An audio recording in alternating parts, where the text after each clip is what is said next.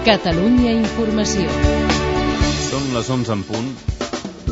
El govern central manté que la direcció de Repsol ha de continuar en mans espanyoles, encara que fructifiquin les intencions de compra de la russa Lukoil. La Caixa vendrà el seu accionariat si Safir Vallermoso també el ven. Joan Saura admet que la participació en el govern pot haver desdibuixat la feina al capdavant d'Iniciativa per Catalunya. A l'informe de gestió que ha obert l'Assemblea de la Formació, Saura aposta per la renovació i per remarcar el perfil propi a l'executiu.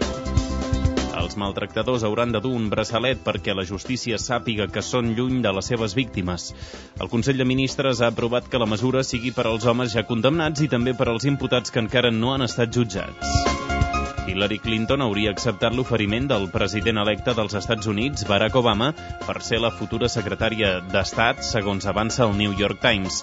Altres mitjans apunten també que el pròxim secretari del Tresor serà Tim Gaynor.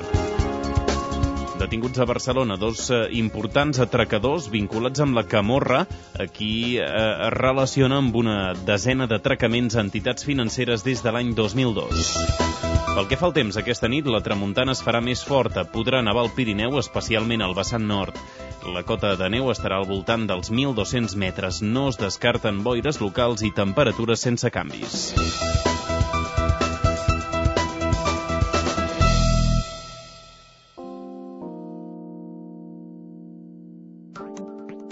Catalunya nit, amb Lluís Urpí.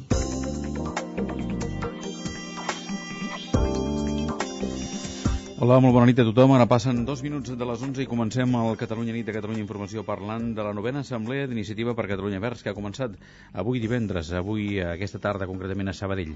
I anirem per repassar què ha dit Joan Saura en el seu informe de gestió. Entre altres coses ha comentat que hi ha hagut un buit en la direcció d'iniciativa, un buit de poder, conseqüència de la participació del partit en el govern d'Entesa. Escoltarem un reportatge d'Ignasi Abata sobre aquesta formació i a l'entrevista conversarem precisament amb Joan Saura a partir de dos quarts de dotze. A l'espai hemicicle, com cada divendres, amb Marta Corbalan i David Àngela, repassarem l'activitat del Parlament d'aquesta setmana i escoltarem un qüestionari al diputat de Convergència i Unió, Jordi Cominal. I abans de dos quarts de dotze arribaran els esports amb Jordi Castanyeda. Jordi, bona nit. Bona nit, Lluís. Avui pendents del tennis? Molt pendents d'aquesta final de la Copa Davis. Després de la primera jornada, Argentina i Espanya empaten a un punt. El primer partit l'ha guanyat l'Argentina al Bandiana David Ferrer per 3 sets a 0, mentre que el segon ha estat l'espanyol Feliciano López qui ha guanyat Martín del Potro per 3 sets a 1 aquest dissabte a les 5 de la tarda al partit de dobles. Informació del Barça perquè Leo Messi té molèsties al quadríceps de la cama dreta, cosa que molt probablement farà que no jugui diumenge contra el Getafe. L'Espanyol qui no jugarà diumenge contra el Racing és Roman Martínez. Precisament avui en clau blanc i blau hem conegut que l'agència Travel Gallery haurà d'indemnitzar els aficionats que no van poder viatjar a la final de Glasgow de la UEFA per haver contractat el viatge amb aquesta empresa. I al Madrid, el president Calderón ha dinat avui amb Schuster i amb els jugadors per fer pinya abans del partit crucial d'aquest dissabte al Bernabéu contra el Recre. Molt bé, gràcies Jordi i fins després. Fins després. Ja sabeu que ens podeu fer arribar els vostres correus a l'adreça del programa catalunyanit arroba catradio.cat.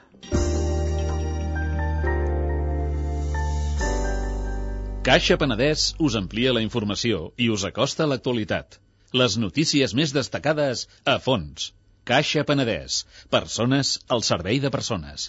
Ara passen 4 minuts de les 11. Com us dèiem, Joan Saura no ha estalviat autocrítica en la seva intervenció a l'Assemblea Nacional que Iniciativa ha encetat aquesta tarda a Sabadell. Admès que l'entrada del partit al govern ha provocat una falta de lideratge que s'ha de recuperar amb una renovació a fons i més perfil propi a l'executiu, al govern d'Entesa. El líder dels ecosocialistes ha pronosticat bona salut del tripartit per molt de temps, però diu que cal reformular el projecte, revisar-lo per fer front a la conjuntura econòmica actual, a la crisi que estem patint. Ho ha seguit a Sabadell Joan Trias. Joan, bona nit. Bona nit. S'haurà reivindicat el seu lideratge a iniciativa però assumeix les crítiques del partit del seu absentisme polític. Ho justifica amb la dedicació que ha comportat assumir tasques de govern i ho vol resoldre amb una figura en la nova executiva que faci d'enllaç efectiu. Aquest buit al despatx al carrer Ciutat se l'ha carregat a l'esquena com a responsable de la davallada en les dues últimes eleccions. Hem hagut de cobrir moltes responsabilitats de govern i s'ha originat un, un determinat buit de direcció política en el si d'iniciativa. Jo qualifico això com a crisi de creixement. Estar al govern no és un problema, però estar al govern porta problemes. Estar a l'oposició sí que és un problema, però tens pocs problemes. També ha posat fre a les intencions d'alguns dels crítics d'obrir el ventall de possibles aliances electorals més enllà dels socis actuals i situa la crisi com l'oportunitat d'iniciativa de reflotar-se reactivant el seu perfil roig. Alhora han tomat la crítica a la difuminació dels ecosocialistes dins el govern, admetent que cal publicitar millor el que es fa, però nega l'absència de la marca i iniciativa al tripartit. Com a millor exemple cita la política d'habitatge i els 80 per hora al voltant de Barcelona, on segons diu el PSC i Esquerra no hi volien jugar. I finalment ha volgut aplacar el debat accessori en la figura de Joan Herrera que s'ha disparat a iniciativa les últimes setmanes. Però el relleu generacional no és ni de molt lluny el principal problema ni d'aquesta formació política ni d'aquesta assemblea. Cal fer renovació de persones, cal continuar amb la renovació, cal fer processos de transició des del punt de vista de la direcció, però el relleu generacional no és, no és la qüestió central. Demà toca el debat d'esmenes a la novena assemblea, amb el rebuig a les que propugnen una coalició política amb Esquerra Unida i Alternativa, limitar l'accent sobiranista al dret a l'autodeterminació i consultar la militància per als grans temes i la política d'aliances. Gràcies, Joan Trias. La novena Assemblea Iniciativa per Catalunya Versa tanca els processos congressuals dels partits polítics catalans després de l'últim cicle electoral. Els ecosocialistes volen recuperar-se del desgast de l'acció de govern, tornant-se a mostrar actius als barris, marcant més perfil d'esquerres al si del govern en l'actual context de crisi econòmica, com dèiem, i renovant la direcció, ja que Joan Saura deixarà la presència del partit d'aquí a quatre anys. És un reportatge d'Ignasi Abad i Oriol Fidalgo. Aquesta no és la primera assemblea d'iniciativa des que governa el tripartit, però sí la primera des que Joan Saura va assumir la cartera d'Interior, una decisió criticada dins i fora de la formació i que ha ocasionat cert desgast electoral. La nova responsabilitat ha fet que Saura concentrés les seves energies al departament i no tant al partit com a reconeix des de dins. D'això n'ha fet bandera el corrent crític Manifest de Maig, un nombre reduït de militants, la majoria del Vallès i el Maresme, que va promoure el vot en blanc a les primàries per la presidència del cap de setmana passat, opció que va tenir un 10% de suport. Saura celebrava la solidesa del seu triomf. Els resultats són uns resultats d'un notable que frega l'excel·lent. Per tant, estic satisfet i, evidentment, hi ha hagut un sector de persones que han considerat una abstenció, que no han presentat cap alternativa política ni personal concreta. A més de presentar propostes per combatre la crisi econòmica i subratllar l'oposició al projecte de llei d'educació, l'Assemblea servirà per visualitzar la sala al poder de la nova generació d'ecosocialistes. Per això, Jordi Guillot deixa la secretaria general com avançava a Catalunya Ràdio. Jo espero i crec que seré dirigent d'iniciativa. El que, que també estic convençut és que no seré el secretari general. Junt amb el Saura hi ha hagut tot un equip que hem anat no? vull dir, dirigint aquest partit durant molts anys i ara el que convé és col·locar les peces perquè al proper congrés hi hagi el relleu del president, el relleu generacional que toca tot apunta que el relleu de Guillot serà el diputat al Congrés Joan Herrera, tot i que ell mateix deia aquesta setmana al Catalunya Nit que encara no s'ha de parlar de successor de Saura pel 2012. I en cap cas en aquesta assemblea podem decidir qui és el relleu per d'aquí 4 anys de Joan Saura. En aquesta assemblea decidim el president d'iniciativa. Tracta de definir un bon equip de president, on aspiro a estar amb molts altres. Hem parlat del manifest de maig, però n'hi ha dos més que també han aparegut els mesos previs a la cita de Sabadell. Un és el que avala l'europarlamentari Raül Romeva, reclama un accent més sobiranista a la formació. L'altre, batejat com a iniciativa que es noti, el promou l'exconseller Salvador Milà. Hem de marcar un perfil propi davant de la societat, hem de també reivindicar el que ha estat en, la, en el treball en el passat mai es pot interpretar com una submissió, com una complementarietat respecte a altres forces polítiques i la capacitat de tenir una llibertat de de moviment. L'Assemblea de Sabadell ha de comportar també l'ascens al poder de les dones d'iniciativa. Apenes representen una tercera part dels 8.000 adherits i amics del partit, però la ponència d'estratègia política situa com una de les prioritats organitzatives la paritat de gènere als quadres dirigents. Dolors Camats és portaveu del partit. I aquest ha de ser una assemblea d'empoderament, per dir-ho així, de les dones. De fet, a, a iniciativa tenim menys militantes que militants i, per tant, en el pla de feminització un dels objectius és també incorporar dones a la militància del partit. Camats i la també diputada Laia Ortiz ompliran el buit de Mercè Ribadulla i Mamayol probablement que deixen dues de les quatre vicepresidències actuals, però no es descarta que hi hagi més noms femenins al nucli dur de la nova direcció d'iniciativa sorgits del món municipal. Fins aquí aquest reportatge sobre iniciativa, però, com ja comentàvem, a partir de dos quarts de dotze conversarem amb el president Joan Saura. Canviem de qüestió. Després de negar-se a declarar el camp militar d'ETA, Garigoig Espiazu Cherokee ha estat empresonat a París per ordre de la jutge Laurence Lebert, especialitzada en afers antiterroristes. Joaquim Lledó, bona nit. Hola, bona nit. La jutge Levert, que instrueix el sumari sobre el crim de dos guàrdies civils a Cap Breton, ha processat Cherokee per haver dirigit una organització amb l'objectiu de preparar un acte terrorista. De moment, però, no li atribueix l'autoria material de l'assassinat dels dos agents. La magistrada també ha ordenat la presó provisional per la parella de Cherokee, Leire López Zurutuza, per pertinença a banda armada. A tots dos els van detenir dilluns a prop de Lourdes. Mentrestant, fons de la lluita antiterrorista espanyola destaquen que serà complicat accedir a les dades que Cherokee guarda els seus ordinadors perquè disposa d'un sistema informàtic molt difícil de desxifrar. Un sistema semblant al que tenia Ivonne Fernández Iradi, Susper, el seu antecessor com a camp militar d'ETA. En el cas dels ordinadors de Susper hi van poder accedir gràcies a les contrasenyes anotades en un paper. Gràcies a Joaquim Lledó. Per cert que ahir a la nit ETA va fer esclatar un artefacte carregat amb 8 quilos de bonal que va destrossar la instal·lació d'un repetidor de telecomunicacions a prop de Bilbao. Esther Castanyer, bona nit. Hola, bona nit. Feia tot just 9 mesos que ETA havia col·locat una altra bomba al mateix lloc. L'Arsanysa no ha informat de l'explosió fins avui perquè va coincidir amb unes voladures controlades a les obres d'una autovia. I Eusko Cartassona no pensa passar per alt que el Partit Popular vinculi aquest partit amb ETA. De fet, Eusko Cartassona ha anunciat que adoptarà accions legals contra la formació de Rajoy si no fa marxa enrere. Crònica del nostre delegat al País Basc, Dani Gómez. Dani, bona nit. Hola, bona nit. Eusko Cartassona espera una rectificació pública del PP. Si aquesta rectificació no es produeix i els populars mantenen que el partit Abertzale té vincles amb ETA, el portaveu Miquel Irujo anuncia que el PP haurà de respondre davant dels tribunals acusat d'un delicte de difamació. La denuncia la articularíamos, bueno, los juzgados obviamente por eh, la defensa, digamos, del honor, porque aquí lo que nos preocupa realmente no es que digan si la izquierda Berchale va a poder presentarse o no bajo las siglas de ella, o no, eso no, es el problema, sino que digan que esto obedece a una política ligada a ETA. Eso es lo que realmente llevaríamos a tribunal.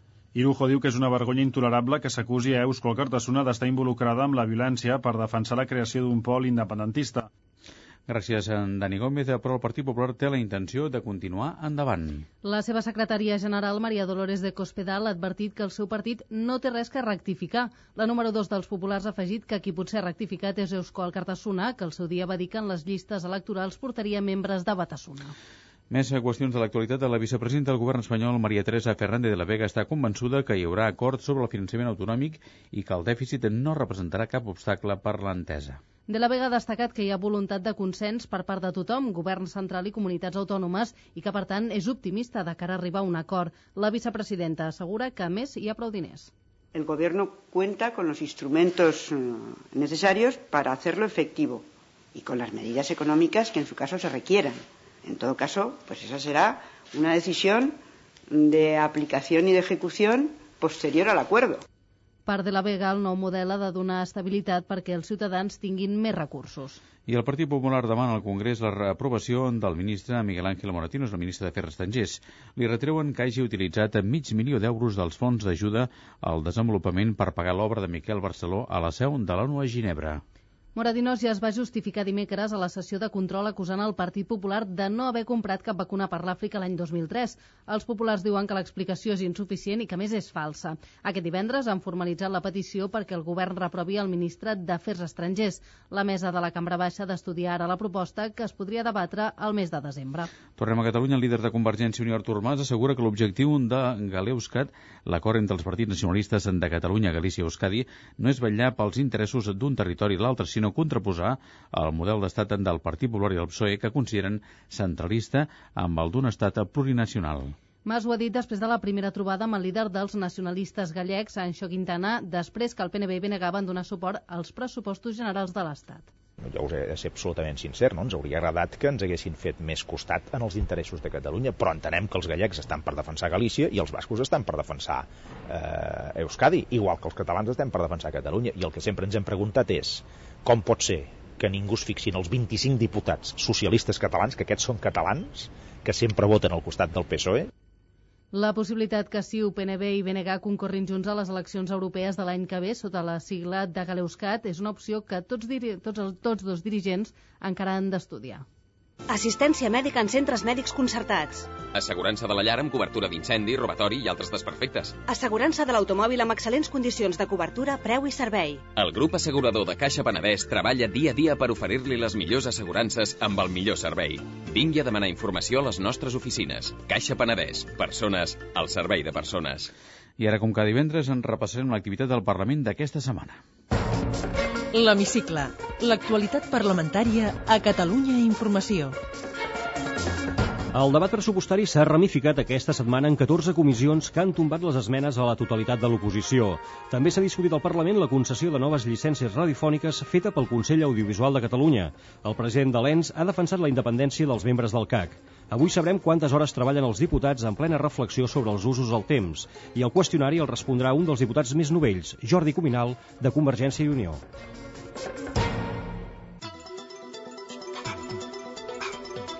13 dels 14 consellers del govern han passat per comissió aquesta setmana per presentar els comptes dels seus departaments pel 2009. Tots, menys el titular d'Innovació, que compareixerà la setmana vinent. Gairebé tots han justificat un augment de recursos inferior del que volien per la falta d'un nou model de finançament. De Joan Manuel Treserres a Marina Geli, passant per Carme Capdevila. Li reconeixo que l'expectativa del departament anava més enllà. El pressupost que avui els hi presentaré vindrà complementat per partides que vindran d'un finançament, eh? però nosaltres hem volgut ser totalment transparents. No és un pressupost que desitjaríem, però puc afirmar que donarà resposta a les necessitats bàsiques que se'ns plantegin durant l'any. L'oposició ha vist com totes i cadascuna de les esmenes a la totalitat queien en comissió. Convergència i Unió i el PP i el grup mix denuncien que els números no són ni austers ni socials, com diu el govern. Recollim alguns moments del debat, començant pel que hi va haver a la Comissió d'Educació.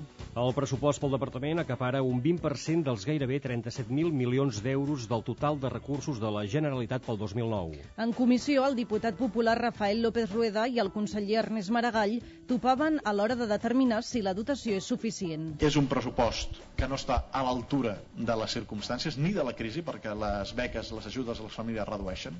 És un pressupost que no augmenta la inversió per alumne. És un pressupost que no dona a les inversions el caràcter que hauria de tenir. Arribarem a la despesa per que hem d'arribar quan tinguem les dues coses, la llei aplicada, amb les crisis de recursos que compromet, però tinguem també el model de finançament que necessitem. Justícia té 1.000 milions per gastar. En comissió, la consellera Montserrat Tura i la diputada de Convergència i Unió Núria de Gispert intercanviaven retrets pel col·lapse dels jutjats i la inversió del departament. Quan la senyora de Gispert surt i ens diu que ho estem fent tan i tan malament, que tenim un desgavell tan extraordinari, jo, si volen, els hi portaré un dia un reportatge fotogràfic de quines coses he trobat i com ho estem endreçant en aquests moments. Quan el conseller Vallès va assumir la Conselleria de Justícia va dir que acabaria amb el 25% d'interinatge. Quan van marxar d'aquí, el 50%. Déu-n'hi-do, consellera, déu nhi I això és eficàcia i eficiència? Una cinquena part dels 4.400 milions del pressupost per a política territorial i obres públiques s'invertirà en la línia 9 del metro. És un dels punts de fricció entre el conseller Joaquim Nadal i el convergent Josep Rull. I en aquests moments la línia 9 val 6.500 milions. Cada dia puja.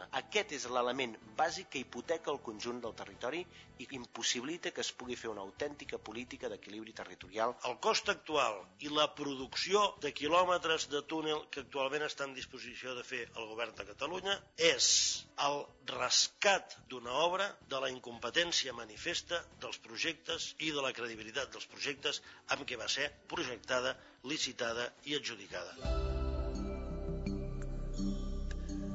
En altres comissions, el debat era tan específic o encara més. A l'hora de presentar els números d'Interior, el conseller Joan Saura va veure com la diputada de Convergència i Unió, Helena Rivera, li retreia l'afany recaptatori pel fet d'instal·lar nous radars a les carreteres. Que sí que queda molt clar és la instal·lació de 27 nous radars fixos, que se sumen als 33 que va incorporar l'any passat, que això li suposa un increment en recaptació de multes que passem ja als 90 milions amb una progressió boníssima i que no veiem traduïts en qüestions concretes. Jo no sé si vostès pensen que volem incrementar o no la recaptació, però sí que volem una cosa, disminuir els morts.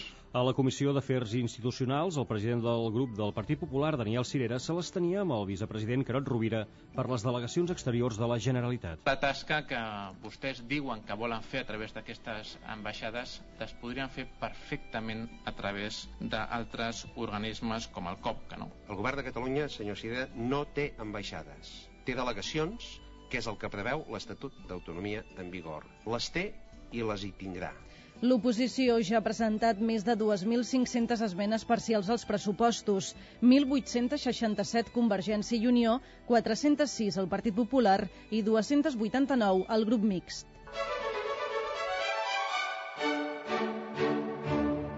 El reportatge. Més enllà dels debats en comissió, la Cambra Catalana ha recollit aquesta setmana la petició de l'Associació Espanyola per a la Racionalització dels Horaris de crear un grup de treball específic al Parlament que abordi aquesta qüestió. Ara bé, que els polítics legislin o estudiïn la manera com conciliar vida laboral i familiar no vol dir justament que prediquin amb l'exemple. No trobareu cap diputat al Parlament que pugui dir que concilia vida familiar i laboral, perquè no ens n'hem sortit. En Marina Llançana és diputada d'Esquerra.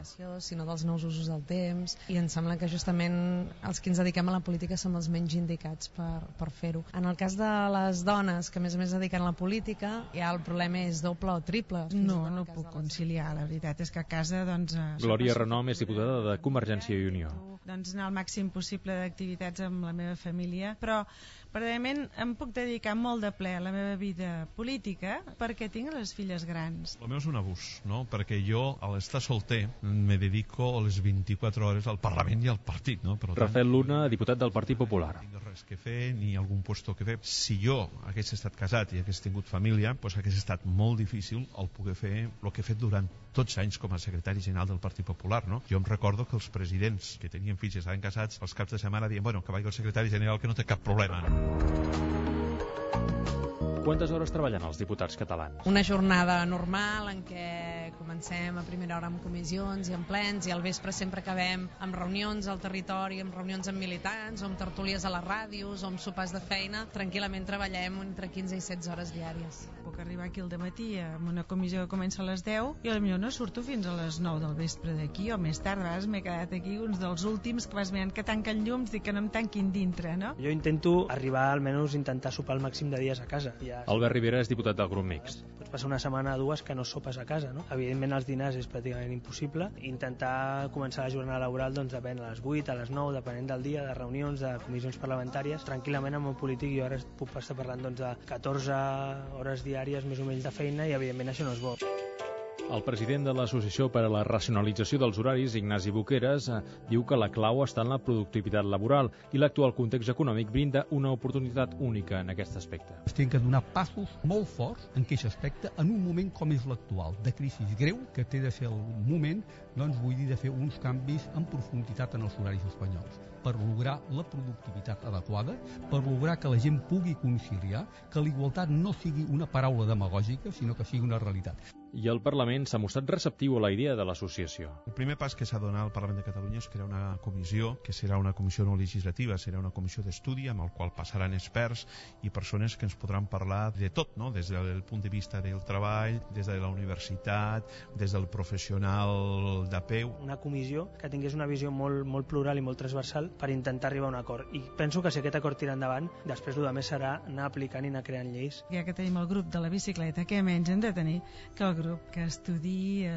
la racionalització dels horaris que afecta a tots, a petits i grans.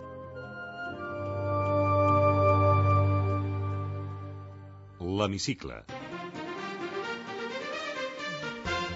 La compareixença del president del Consell Audiovisual de Catalunya, Josep Maria Carbonell, ha generat més expectació que els debats pressupostaris. Carbonell intervenia per explicar la concessió de llicències radiofòniques. Carbonell assegura que la feina del CAC ha estat impecable, tot i les pressions que han rebut. Afirma que amb les noves concessions ningú s'ha quedat sense veu i demana respecte per la independència dels membres del Consell. Vull dir que la llibertat dels membres del Consell s'ha vist malmesa. Hem rebut insults, amenaces, la nostra seu ha estat agredida i fins i tot hem hagut de portar davant la Fiscalia una denúncia per presumptes escoltes il·legals. Cal restaurar, doncs, un intangible bàsic però que és molt important, la cultura del respecte. Del respecte mutu. Un dels membres del Consell, el periodista Fernando Rodríguez Madero, assegurava que l'han calumniat per haver volgut actuar amb independència. Para mí hubiese sido muy fácil eh, seguir las indicaciones del Partido Popular en cuanto a mi voto. Y no hubiese tenido ningún problema, pero como voté con respecto a lo que me dictaba mi propia conciencia, he tenido insultos muy graves. El president de Ciutadans, Albert Rivera, aprofitava aquesta intervenció per denunciar el vincle polític dels consellers del CAC. Jo crec que després de la intervenció del senyor Rodríguez Madero, si algú li quedava alguna dubte de si el CAC no és independent, jo crec que ha quedat molt clar, precisament perquè ell, amb la seva intervenció, ha demostrat que ha sigut un valent, suposadament, per no cedir davant de pressions. Per sensu contrari vol dir que tota la resta i les pressions que remeten, home... La majoria de govern i Convergència i Unió han fet costat al president del Consell Audiovisual de Catalunya, mentre que el Partit Popular diu que el procés de concessió de freqüències no ha estat transparent ni tampoc ha millorat la pluralitat de l'espectre radiofònic a Catalunya. Dos apunts breus abans del qüestionari. Una vintena de defensors del ciutadà i síndics de greuges municipals s'han reunit aquesta setmana amb membres de la Comissió de Peticions per explorar formes de col·laboració. El síndic de comptes, Joan Colom, ha alertat del retard alarmant dels ajuntaments a l'hora de presentar els comptes. Una davallada amb el nombre de retiment de comptes 2006 i 2007 han caigut amb unes xifres dramàtiques a nivell d'Espanya. Hi ha alguna comunitat autònoma que en aquests moments no tenen el 20% del retiment de l'any 2006. A Catalunya estem per un percentatge superior. L'hemicicle. Té la paraula Jordi Cominal Roquet, diputat de Convergència i Unió al Parlament de Catalunya i primer tinent d'alcalde de l'Ajuntament de Sant Celoni. en una frase. Senyor Jordi Cominal, com s'imagina l'Espanya del futur? Més seriosa del que alguns es pensen que encara és i, per tant, a tenir en compte. Quina hauria de ser la relació Catalunya-Espanya? Per mi hauria de ser la mateixa que hauríem de tenir en qualsevol altre estat de la Unió Europea. La transició va ser modèlica. Jo tinc 31 anys i la transició em queda una mica lluny, la veritat. La justícia funciona bé? Funciona tard i en alguns casos malament i a més a més en molts casos amb una llengua que jo crec que no hauria de ser l'única que els catalans i catalanes poguéssim utilitzar quan anem a, a fer ús de, de la justícia. Té mútua privada. Doncs ho estic acabant de mirar, jo no en tenia em sembla que ara amb les assegurances que ens han fet aquí al Parlament alguna cosa hi entra, però no, no tinc mútua privada. L'arrel quadrada de 81. Ara mateix no t'ho sé dir. Cafè o tallat? Cafè sol sense sucre. Scarlett Johansson o Carla Bruni? En aquest cas sóc de la Johansson. Quin personatge històric li hauria agradat ser? A mi quan em demanen per referents històrics i si em situo en el món de la política, doncs home, eh, entre Kennedy i Pujol crec que la cosa seria molt divertida. Pis de lloguer o de propietat? De relativa propietat, és a dir, tinc una hipoteca. Quin va ser el seu primer cotxe? Un Seat León. Quin cotxe té ara? Ara tinc un Golf. Quants telèfons mòbils té o porta? Tinc diferents números, porto un sol telèfon. Pertany a alguna xarxa social d'internet? Sí, Facebook, tinc un blog a més a més amb, amb gent vinculada a escriure, etc etc. Les pel·lícules a casa se les mira a la televisió, en DVD o baixades d'internet? No, gairebé sempre amb, amb DVD. És soci d'algun club esportiu? Soc soci del Futbol Club Barcelona i fanàtic. Aquest any sí o aquest any tampoc? Aquest any també, com a mínim, de gaudir de l'espectacle. Quin concert no es perdria mai? Bé, deixa'm que et digui, els últims que, que, que he estat, que per mi eren importants, doncs eh, un de Madness al Sonar, el del Bruce Springsteen i el darrer de U2. Sap quan val el peatge de Martorell? Tinc un teletac i llavors sé que al mes pago més de 300 euros en peatges. El que no sé ara és el detall del peatge a Martorell. Per què es dedica a la política? Sobretot perquè sóc nacionalista. I és el que em va moure en un moment donat, aquest sentiment de, de, de voler ser un país normal, aquest sentiment que, que em movia doncs, a, a militar en una organització. Conserva amics d'infantesa. Sí, i no els puc cuidar tant com voldria, però procuro. Té creences religioses? Sí, sóc cristià. És practicant. No podria dir, no podria dir que sóc un practicant exemplar. Recomani'm un vi. Algú timbro. Quin plat ens faria si ens convidés a casa seva a sopar? Això vol dir que l'hauria de fer jo. Jo us faria molt bons eh, uns macarrons i unes hamburgueses amb patates. Eh? Quin plat demana en un bon restaurant? Soc bastant aficionat a les amanides divertides i a la, i a la bona carn. Ha fet mai nudisme? No, és una pràctica que no, no, no em sedueix i que probablement m'hi sentiria incòmode. Paga impostos a l'església? No, no ho faig. Què el faria deixar la política? Si la política fos una autopista, tot i que sempre m'agradaria anar pel tercer carril, he assumit que a vegades toca anar pel del mig i a vegades pel, pel més, la més a la dreta. Deixaria la política si em toqués anar per fora d'aquests tres carrils. Defineixis amb tres adjectius. Apassionat, sincer i compromès. Ha vist mai la seva mort de prop? He donat algunes voltes amb el cotxe, però no vaig patir per la meva vida. Un comiat. A la disposició i al servei del poble de Catalunya. Senyor Jordi Cominal, moltes gràcies. Gràcies a vosaltres.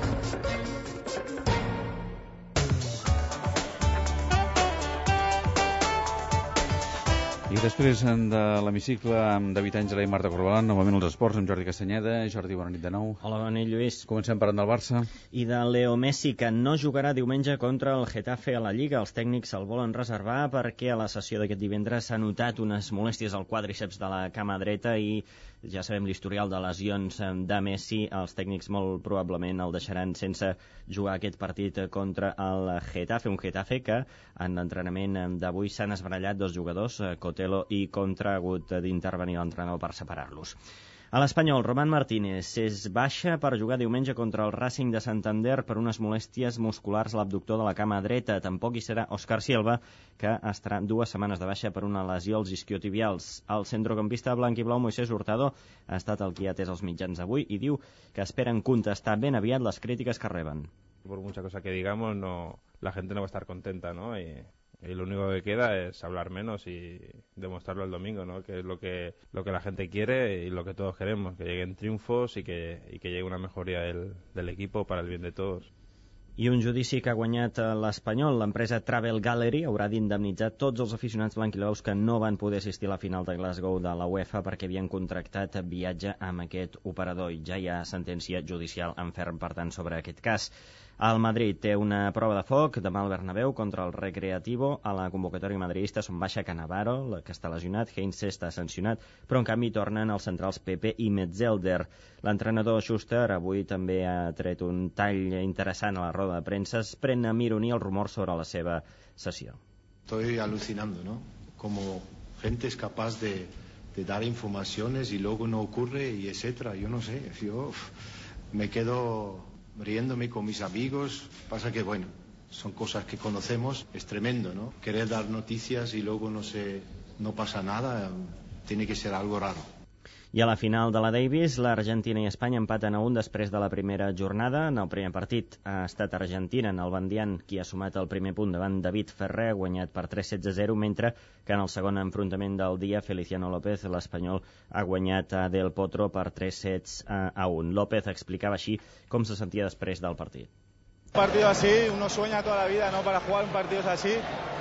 y después de todo el esfuerzo, pues una recompensa como esta merece la pena y la verdad que podríamos decir que casi el mejor partido de mi vida. Aquest dissabte a les 5, el partit de dobles.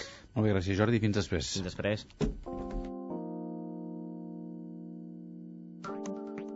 Catalunya nit, amb Lluís Urpí. Ara passen dos minuts de dos quarts de dotze. És el moment de repassar algunes de les principals notícies d'aquest divendres 21 de novembre. Ho fem tot seguit amb l'Ester Castanyer. Esther, bona nit. Eh, de nou, quan vulguis. Bona nit. Doncs comencem parlant d'iniciativa per Catalunya Verds, especialment de Joan Saura, que reconeix una falta de lideratge al capdavant del partit com a conseqüència, diu, de la seva entrada al govern. Ho ha dit durant la seva intervenció a l'Assemblea d'Iniciativa, que ha començat aquesta tarda a Sabadell i que ha de servir per renovar la cúpula de la formació. També destaquem que el cap militar d'ETA, Gariscoiz Espiazu, alias Cherokee, ha estat empresonat finalment a París després d'haver-se negat a declarar. La jutge que porta el cas l'està processant per dirigir una organització terrorista. I ja feia dies que ho dèiem, tal com apuntaven les travesses, finalment sembla que Hillary Clinton serà la nova secretària d'Estat nord-americana. Així ho diu el diari New York Times, que afirma que la senadora ja ha acceptat l'oferiment que li ha fet Barack Obama. Altres noms que sonen per formar part de l'equip d'Obama són el de Bill Richardson, com a nou secretari de Comerç, i Timothy Geithner, que seria anomenat secretari del Tresor Nord. D'altra banda, i tornem a casa nostra, una operació conjunta de Mossos i Policia Estatal ha permès detenir a Barcelona dos importants atracadors relacionats amb la Camorra. Se'ls vincula una desena d'atracaments a entitats financeres des de l'any 2002, tant a Catalunya com a altres punts de l'Estat.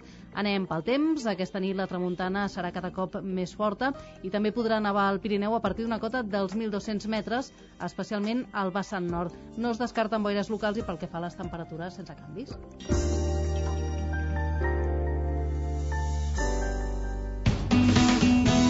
Bona nit. El número premiat del cuponàs celebrat avui és el... És el 42.733 42733 de la sèrie 76. Demà, com cada dia, hi haurà un venedor molt a prop teu que reparteix il·lusió. Bona nit i recorda que amb el sorteig de l'11 la il·lusió es compleix. Catalunya nit l'anàlisi de la política i els seus protagonistes a Catalunya Informació.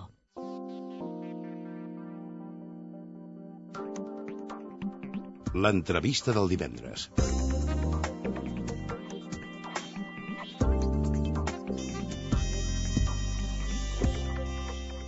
Avui al Catalunya Nit conversem amb el president Iniciativa per Catalunya Verds, eh, Joan Saura. Senyor Saura, bona nit i gràcies per atendre'ns. Bona nit. I en aquesta entrevista ens acompanya també un dels periodistes d'aquesta casa, dels serveis informatius de Catalunya Ràdio, que segueix l'Assemblea d'Iniciativa, Ignasi Abad, bona nit. Hola, bona nit. Escolti, senyor Saura, avui en l'informe de gestió que ha presentat aquest vespre ha dit que ha fallat la relació entre govern i partit i hi ha hagut buit de direcció al partit. Per què ha passat això? Ha, ha passat perquè una part important dels dirigents d'iniciativa han anat a responsabilitats de govern i per tant aquí s'ha produït un, un buit en la direcció una gran dedicació al govern que, i per tant el que necessitem és que d'aquesta assemblea surti una direcció que, que una nova direcció, que una part important d'aquesta nova direcció signifiqui enfortir l'organització i per tant eh, crec que això és una realitat, aquest dèficit que hem tingut i crec que en l'informe de gestió ho havia dit. Dit d'una altra manera, hem tingut una certa crisi de creixement, és a dir, hem tingut, vam tenir uns resultats excel·lents a les autonòmiques, però hem hagut d'ocupar molts jocs al govern i això en el partit s'ha notat. Uh -huh.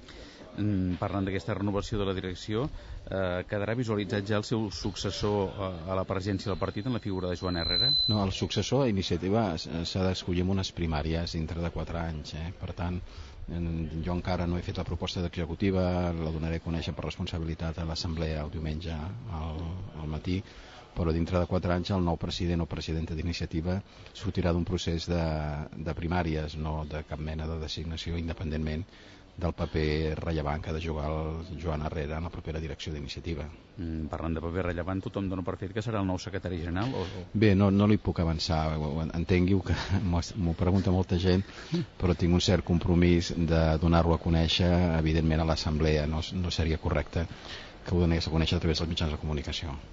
En tot cas, eh, senyor Saura i eh, Lluís, bona nit des d'aquí, de, des, des de la Fira de Sabadell. Eh, aquesta, es visualitzarà que Joan Herrera pot ser el número 2, eh, independentment del càrrec que ho pugui ocupar o no? Bé, es, es visualitzarà que, que jugar un paper, que ha de jugar un paper importantíssim, però no, no, no, no puc dir res més. Entenguin que, com he dit abans, que fins que no ho presenti a l'Assemblea no puc eh, dir res més. Mm, l'actual secretari general, Jordi Guillot, eh, continuarà la direcció? Sí, sí, continuarà la direcció, continuarà la, a la cúpula de, de la direcció també. Tampoc li puc dir en quin lloc, però també continuarà la cúpula de la direcció. Mm -hmm. I en aquesta direcció hi haurà representació del grup Iniciativa que es, que es noti i també dels crítics del manifest de maig o no? Bé, vostè només em pregunta el mateix, jo només faig no, que dir-li que no... Ara parlem d'altres coses. Eh? No, en la comissió, la comissió executiva és una comissió executiva que s'han d'aprovar el, el número d'integrants, que crec que seran de 40-55, i per tant eh, aquí hi haurà representants no hi haurà ningú tant que representant de corrent sinó representants en funció territorials i en funció dels àmbits sectorials no? però estic segur que la, el consens i la síntesi que s'arribarà amb els documents polítics tindran una traducció des del punt de vista també de la composició de la comissió executiva i amb una important presència de dones? Sí, el, les nostres normes són que han d'haver com a mínim un 40% d'integrants d'un sec de qualsevol sexe i jo que presentaré una comissió executiva que pràcticament estarem al 50% 50% entre homes i dones Vostè també ha parlat de, canviant ara de qüestió, deixant ja el tema de la, de la direcció, que s'ha de revisar el pacte de govern d'entesa mm, per poder donar resposta a la crisi econòmica en aquests dos anys de legislatura que, que falten. Com s'ha de fer això? Bé, miri, el, el pacte de l'entesa va ser un pacte que l'esperit que era era donar resposta als problemes reals de Catalunya.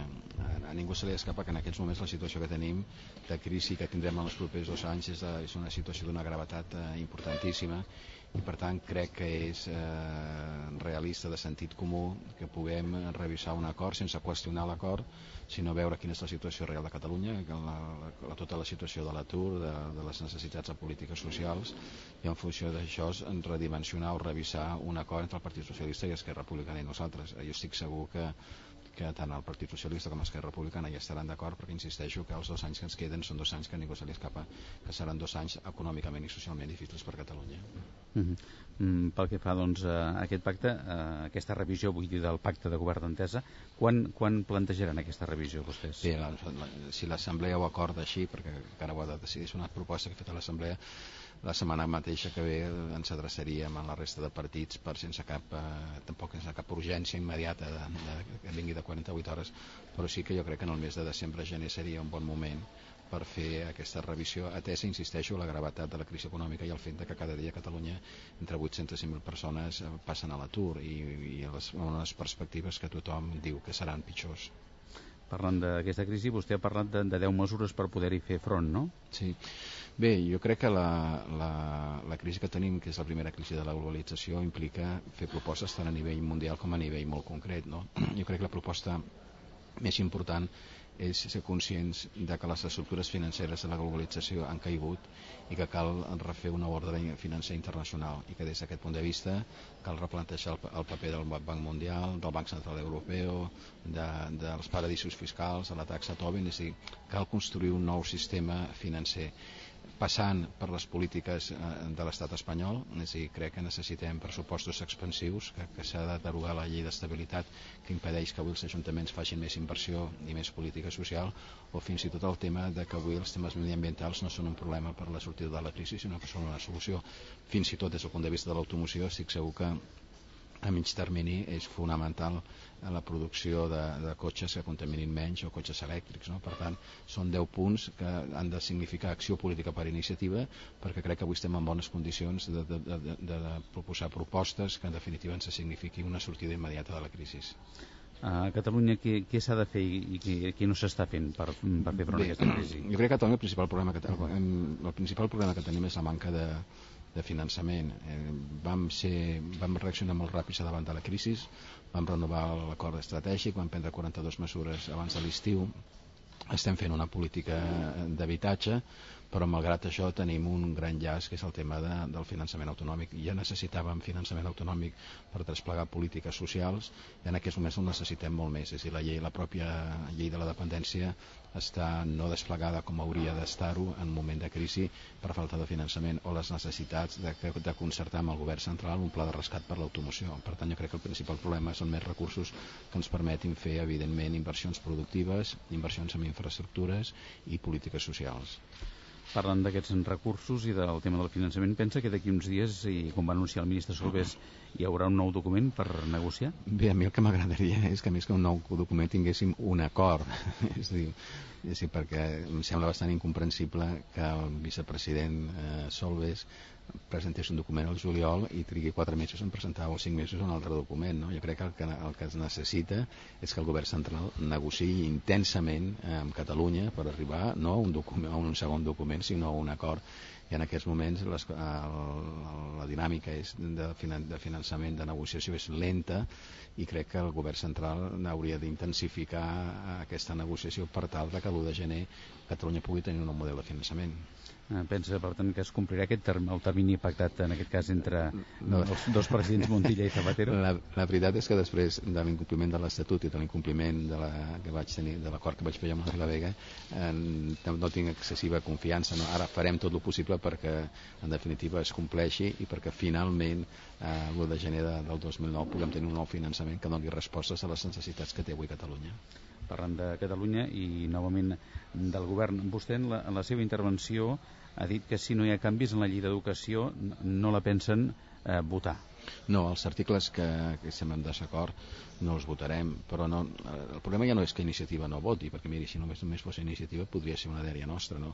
El problema és que una part importantíssima de les entitats i de les comunitats educatives i dels sindicats que varen signar un pacte nacional per l'educació ara fa dos anys, en aquests moments també estan en contra, no? Per tant, crec que és necessari eh, que s'obri una negociació intensa que permeti sumar eh, més consensos, si no disminuir els consensos que vam aconseguir. I des del nostre punt de vista, la necessitat de que la llei contempli els mateixos drets i deures per les escoles, totes les escoles finançades amb diner públic és bàsic i en aquests moments això no és el que contempla el projecte de llei que avui està en el Parlament.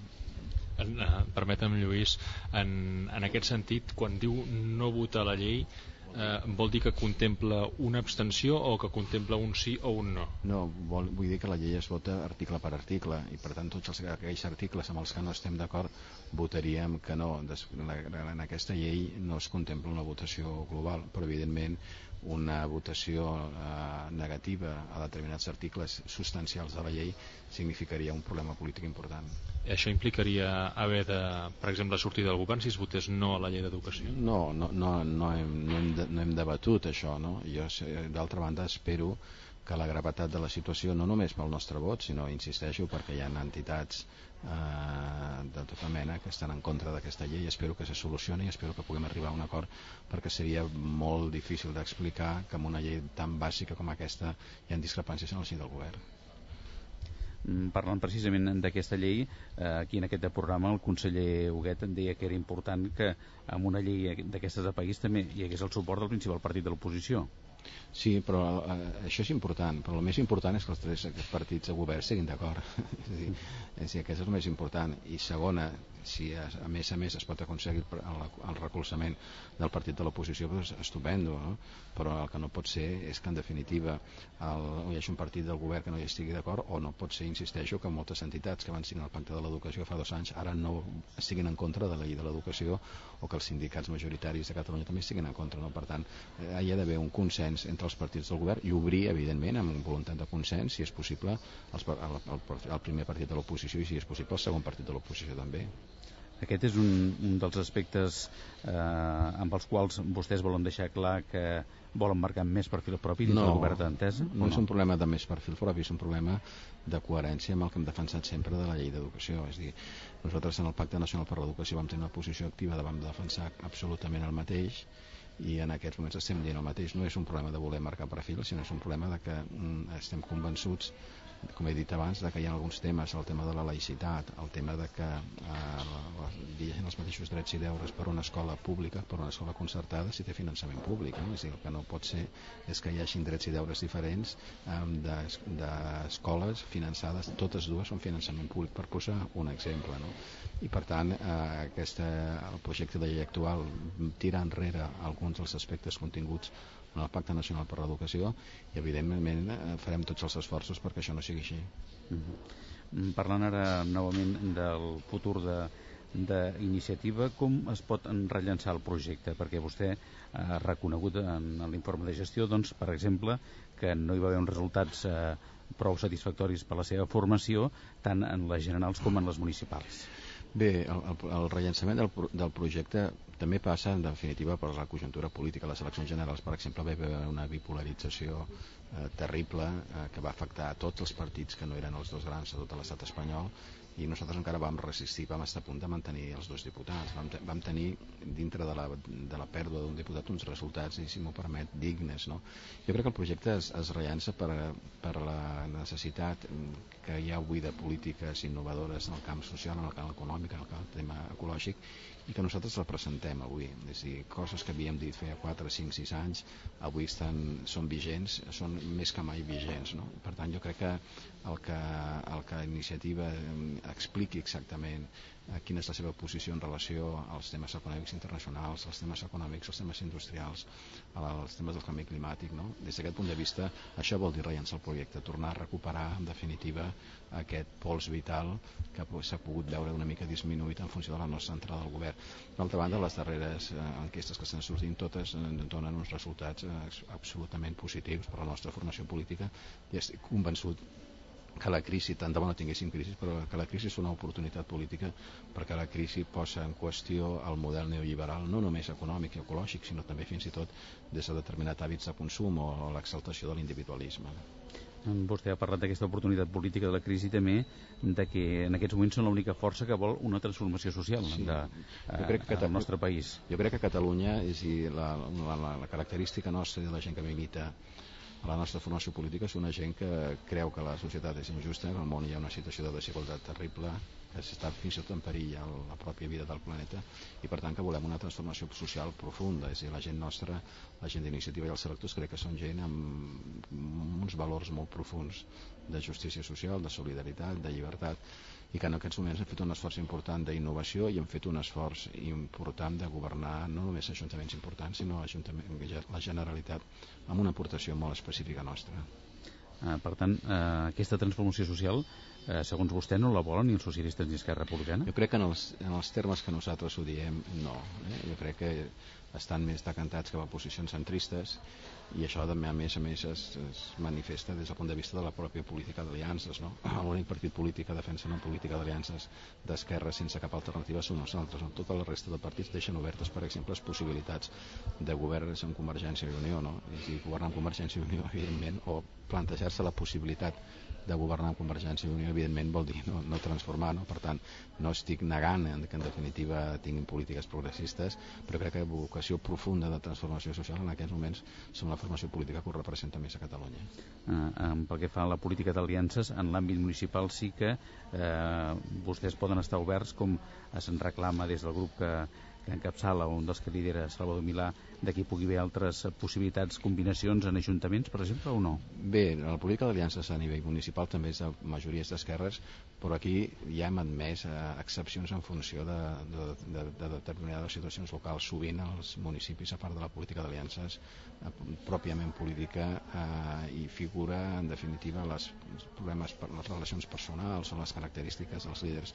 Per tant, ja en aquests moments, en alguns ajuntaments, hi ha polítiques d'aliances més obertes, sota la dinàmica general de política d'aliances d'esquerres hi ha ja en aquests moments polítiques d'aliances diferents però insisteixo que la, la, el global el genèric és que volem sempre coberts d'esquerres. Mm -hmm. vostè eh, repetirà quatre anys més al capdavant d'iniciativa però va tenir en les eleccions primàries un petit vot almenys de càstig. Com, com, com el veu eh, aquest, aquest, aquest suport que va tenir el 83% com el valora sí, després d'uns dies?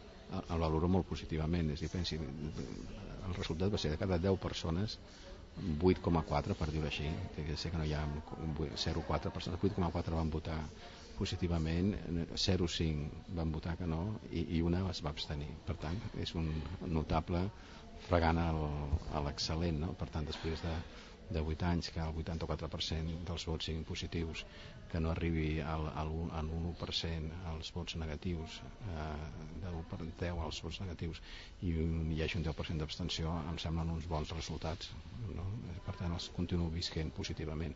Tant i estic segur que molts líders polítics de tots els partits polítics estarien contentíssims, no amb un 84%, sinó amb un 60 o un 65%. Vostè ja s'esperava per tant aquests resultats o, o, o desitjava que fossin encara un suport més ampli? No, jo, jo, jo creia que tot el que fos estar per sobre del 70% era un bon resultat. És dir, estan per sobre d'un notable, era un bon resultat.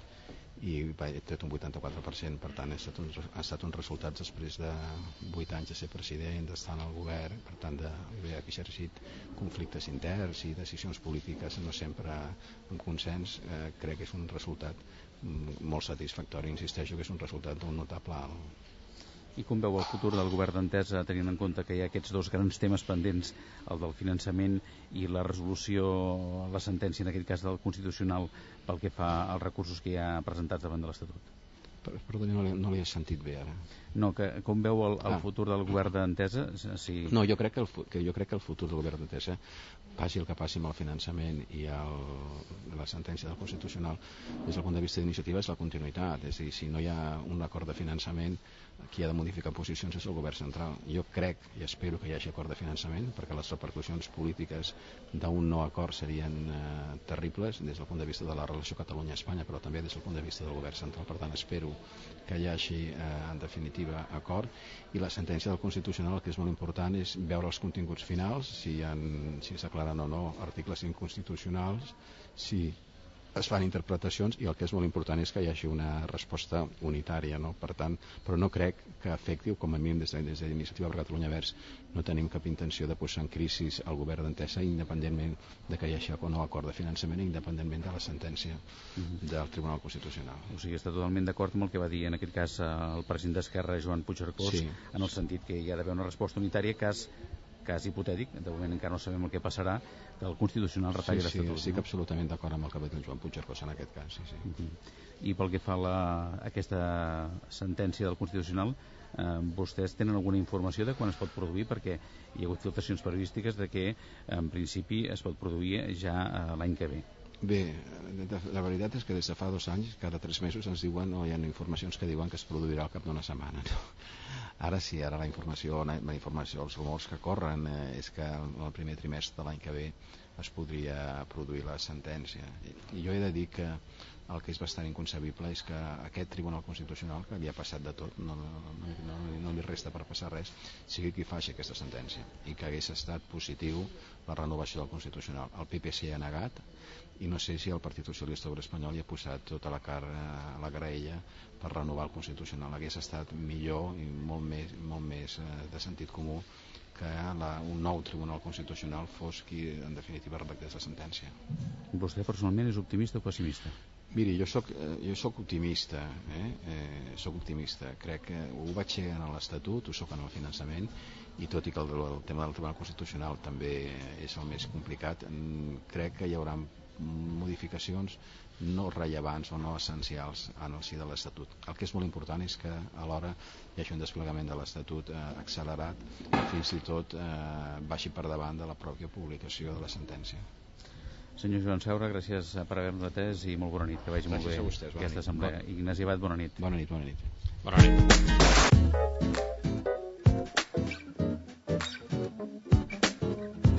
Catalunya nit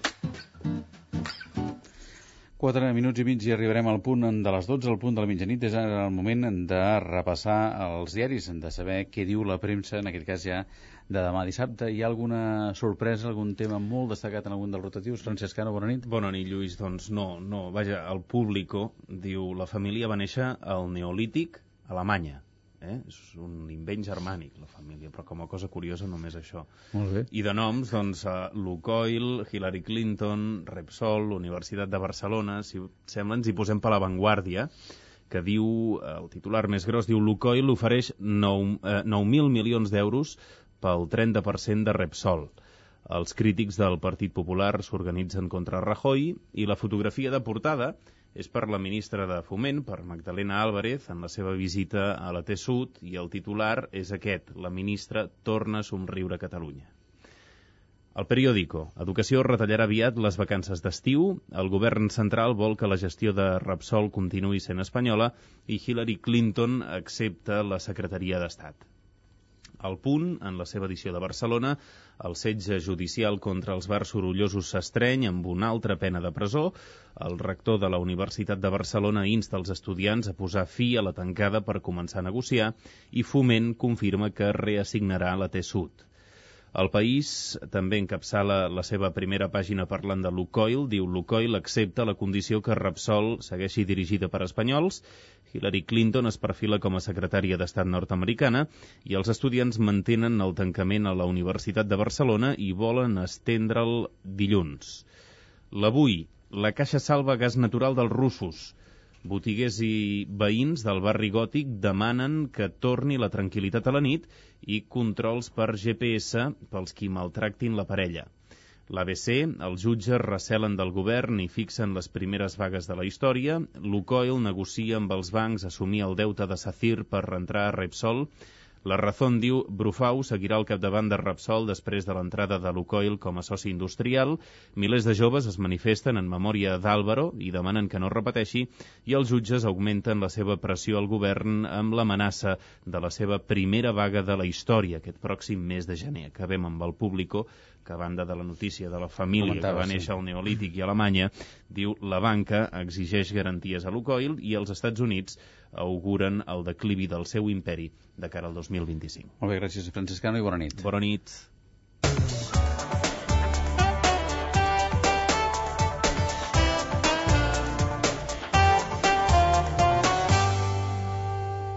Ara amb Jordi Castanyeda, alguns titulars de la jornada, alguns marcadors també i en la reflexió. Quan vulgui, Jordi, bona nit. Recordem com a primera notícia que el blaugrana Leo Messi es baixa per jugar diumenge contra el Getafe a causa d'unes molèsties que ha tingut a l'entrenament d'aquest divendres el quadriceps de la cama dreta. A l'espanyol, Roman Martínez no jugarà diumenge contra el Racing a Santander i que en clau blanc i blava l'agència Travel Gallery haurà d'indemnitzar els aficionats que no van poder viatjar a la final de Glasgow de la UEFA. Una reflexió perquè diumenge juga el Barça contra el Getafe a les 7 del vespre al Camp Nou.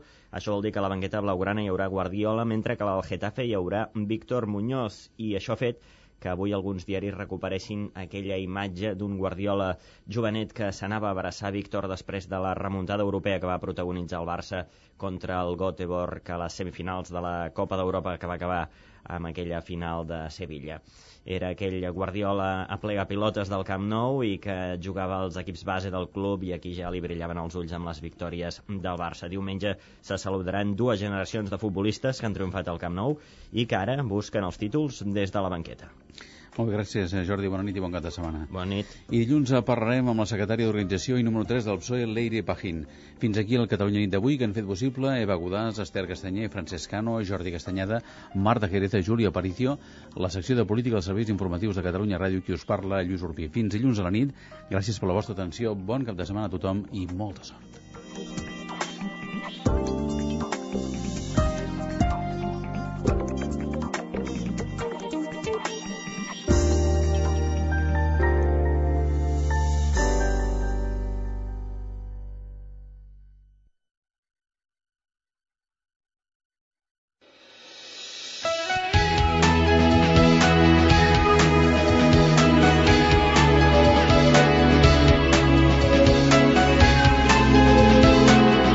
Catalunya Informació. És mitjanit.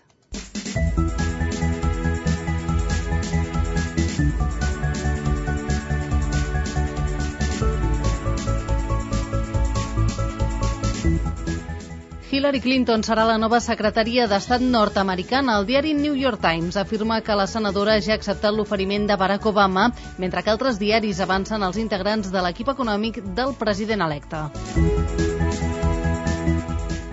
Ségolène Royal i Martina Aubry es disputen el lideratge del Partit Socialista francès. L'excandidat a l'Elisi sortia com a favorita, malgrat tenir tot l'aparell del partit en contra. La petrolera Lukoil negocia la seva entrada en el capital de Repsol. El govern espanyol es conforma amb el fet que la direcció de la companyia es mantingui en mans espanyoles.